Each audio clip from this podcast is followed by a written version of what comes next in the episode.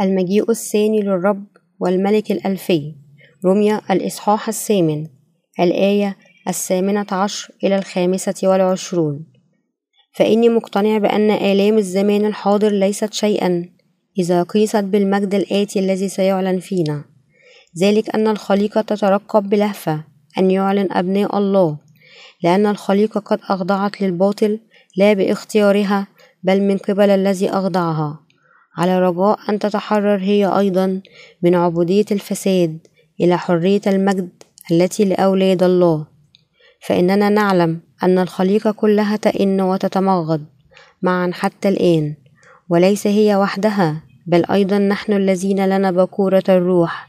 نحن أنفسنا نئن في قرارة نفوسنا مترقبين إعلان بنوتنا باقتداء أجسادنا. فإننا قد خلصنا إنما بالرجاء ولكن الرجاء متى رأيناه لا يكون رجاء فما يراه الإنسان لماذا يرجوه بعد؟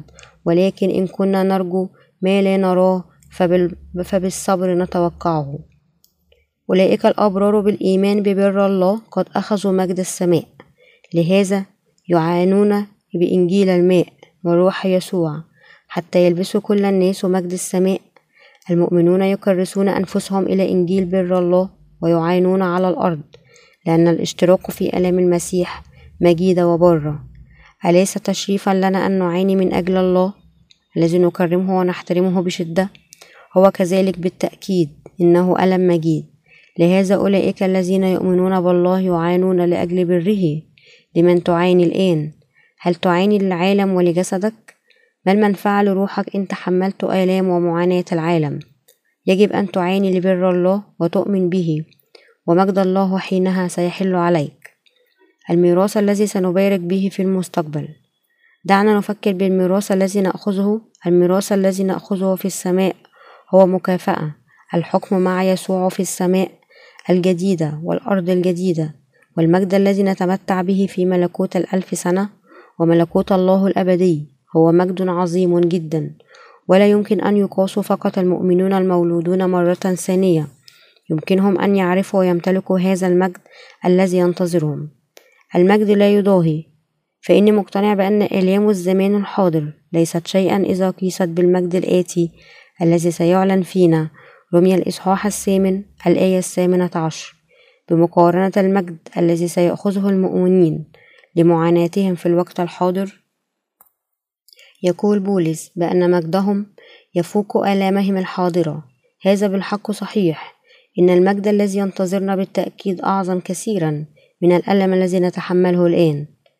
لهفة ترقب الخليقة ذلك أن الخليقة تترقب بلهفة أن يعلن أبناء الله لأن الخليقة قد أخضعت للباطل لا باختيارها بل من قبل الذي أخضعها على رجاء أن تتحرر هي أيضا من عبودية الفساد لحرية المجد التي لأولاد الله. رمي الإصحاح الثامن الآية التاسعة عشر إلى الحادية والعشرون. كل مخلوقات الله تشتاق لأن تطلق حرية من الفساد ومن الخطية ولكي تطلق حرة يجب أن يبني ملكوت الله على الأرض. هذه المخلوقات تنتظر أيضا رؤية أولاد الله حين يسودون ويحكمون في ملكوت الألف سنة. كل المخلوقات هكذا تنتظر اليوم الذي فيه يحكم أبناء الله معه لابسين مجد الله لأجل مجيء ملكوت الله. انتظار فداء أجسادنا. فإننا نعلم أن الخليقة كلها تئن وتتمغض معا حتى الآن وليس هي وحدها بل أيضا نحن الذين لنا بكورة الروح نحن أنفسنا نئن في قرارة نفوسنا مترقبين إعلان بنوتنا باقتداء أنفسنا فإننا قد خلصنا إنما بالرجاء ولكن الرجاء إنما رأيناه لا يكون رجاء فما يراه الإنسان لماذا يرجوه بعد؟ ولكن إن كنا نرجو ما لا نراه فبالصبر نتوقعه. رمي الإصحاح الثامن الآية الثانية والعشرون إلى الخامسة والعشرون. أولئك الذين يؤمنون بإنجيل بر الله قد خلصوا من كل أسامهم وينتظرون اليوم الذي سيأتي فيه ملكوت الله بالمصابرة في كل آلامهم. يعانون دائما من أجل الإنجيل ومع آلامهم. يتلهفون يتوقعون أكثر فأكثر لملكوت الله. هذا هو الطبيعي بالنسبة لهم. لأنهم لا ينتظرون ذاك النوع من الرجاء, من الرجاء الذي يرى بعيون الجسد لكنهم بالأحرى ينتظرون ملكوت الله الذي لا يرى ويتغير هيئتهم. الناس وكل الأشياء الأخرى في عالم اليوم يعيشون أقل ما يقال عنها إنها حياة مستنزفة. ومع مرور الوقت يتغير العالم ومع تطور التكنولوجيا والحضارة يزداد في قلوبهم الناس رجاءهم في المستقبل. ويتوقعون رؤية فردوس على الأرض في المستقبل فيصبحون قلقة وعصبيين ومكتئبين ومتعجبين لماذا تأخذ تلك المرحلة وقت طويل جدا على الرغم من كل هذا التقدم في الحاسبات والسيارات والتقدم التقني والعلمي مستمر حتى أنه صعب جدا سماع ضحكات الناس هل هناك أمل لمستقبل الإنسانية؟ إن الجواب بكل أسف هو لا بحسب كلمات سفر الرؤيا وآراء العلماء أيضا هناك كوارث تنتظرنا مثل نقص الماء ودمار طبقة الأوزون والجفاف وإزالة الأشجار تلك الأمور التي تؤدي إلى موت الكثير من الناس من العطش والحر هل يمكنك أن تشعر في قلبك بكل تلك الكوارث التي تنتظرنا؟ هل نعيش في عالم مسر؟ قد يبدو مسر بشكل من الأشكال هل يوجد هناك شيء لا يمكن أن يشترى بالمال؟ لكننا نحتاج لماء نظيف وبيئة صحية فحتى طبقة الأوزون ستدمر وتسمح لأشعة مميتة أن تخترق الغلاف الجوي. بينما تتسبب الأشعة فوق البنفسجية في تغير النباتات وتصلب قلوب البشر. ويزداد قلق البشر. ماذا سيحدث لهذا العالم؟ لكن على خلاف أناس العالم نحن المؤمنون المولودون مرة ثانية. لدينا إيمانا بأن نشترك في القيامة الأولى ونحكم مع يسوع لألف سنة. يخبرنا الكتاب المقدس أن الرب سينزل بنفسه مرة ثانية من السماء بهتاف بصوت رئيس الملائكة وبوق الله تسالونيك الأولى الإصحاح الرابع الآية السادسة عشر. إن السؤال هو متى؟ متى سيأتي؟ وعد ربنا بأنه سينزل ليأخذ أولئك الذين يؤمنون بإنجيل الماء والدم والروح. ولذا نحن ننتظر ذاك اليوم. أولئك الذين ولدوا مرة ثانية يؤمنون بهذا الإنجيل. أسامي قد نقلت إلى يسوع. عندما تعمد وأنا أؤمن بالرب كمخلص قد حكم عليه لأجل أسامي بدلا مني. الله قد منحنا الخلاص من خلال ابنه الوحيد يسوع المسيح وسيجيء مرة ثانية. لكي يقيموا شعبه ويجعلهم يحكمون لألف سنة على هذه الأرض. الكتاب المقدس مثل أحكية سورية يجب أن تتفق معا لقارئها. عندما نزل يسوع أولا جاء ليدعو الخطاة ليتوبوا. حمل أسامهم في جسده خلال معموديته وحكم بدلا عنهم خلال الدم الذي سفكه على الصليب. عندما يأتي الرب الذي يسكن في السماء الآن مرة ثانية سيقيم كل أولئك الذين يؤمنون ببر الله ليحكموا معه لألف سنة. الملك الألفي أولئك الذين يحبون الآخرين حقا. في هذا العالم هم أولاد الله. هم الشعب الوحيد الذي سيسلم إنجيل بر الله إلى كل روح تائهة لكي يربحهم للمسيح. هل أناس هذا العالم يكافئون أولاد الله؟ لا. إذا من سيكافئهم؟ عندما يجيء يسوع مرة ثانية هو سيكافئهم بإقامتهم. هؤلاء الذين ولدوا مرة ثانية وبسماح لهم أن يحكموا لألف سنة. ملكوت الألف سنة هو لنا نحن المؤمنون المولودون ثانيا. حتى مع خراب ودمار العالم الحاضر فحينما يأتي ربنا مرة ثانية سنعيش في عالم جديد. هناك الرب سيسمح لنا أن نحكم معه ونعيش حياة سعيدة وبهيجة وطويلة كما نريد. يقول بولس في روميا الإصحاح الثامن الآية الثالثة والعشرون وليس هي وحدها بل أيضا نحن الذين لنا بكورة الروح نحن أنفسنا لأنه في قرارة نفوسنا مترقبين إعلان بنوتنا بافتداء أجسادنا. هل تنتظر ذلك اليوم؟ حتى نحن الذين لنا بكورة الروح لأنه في داخلنا متلهفين منتظرين فداء أجسادنا.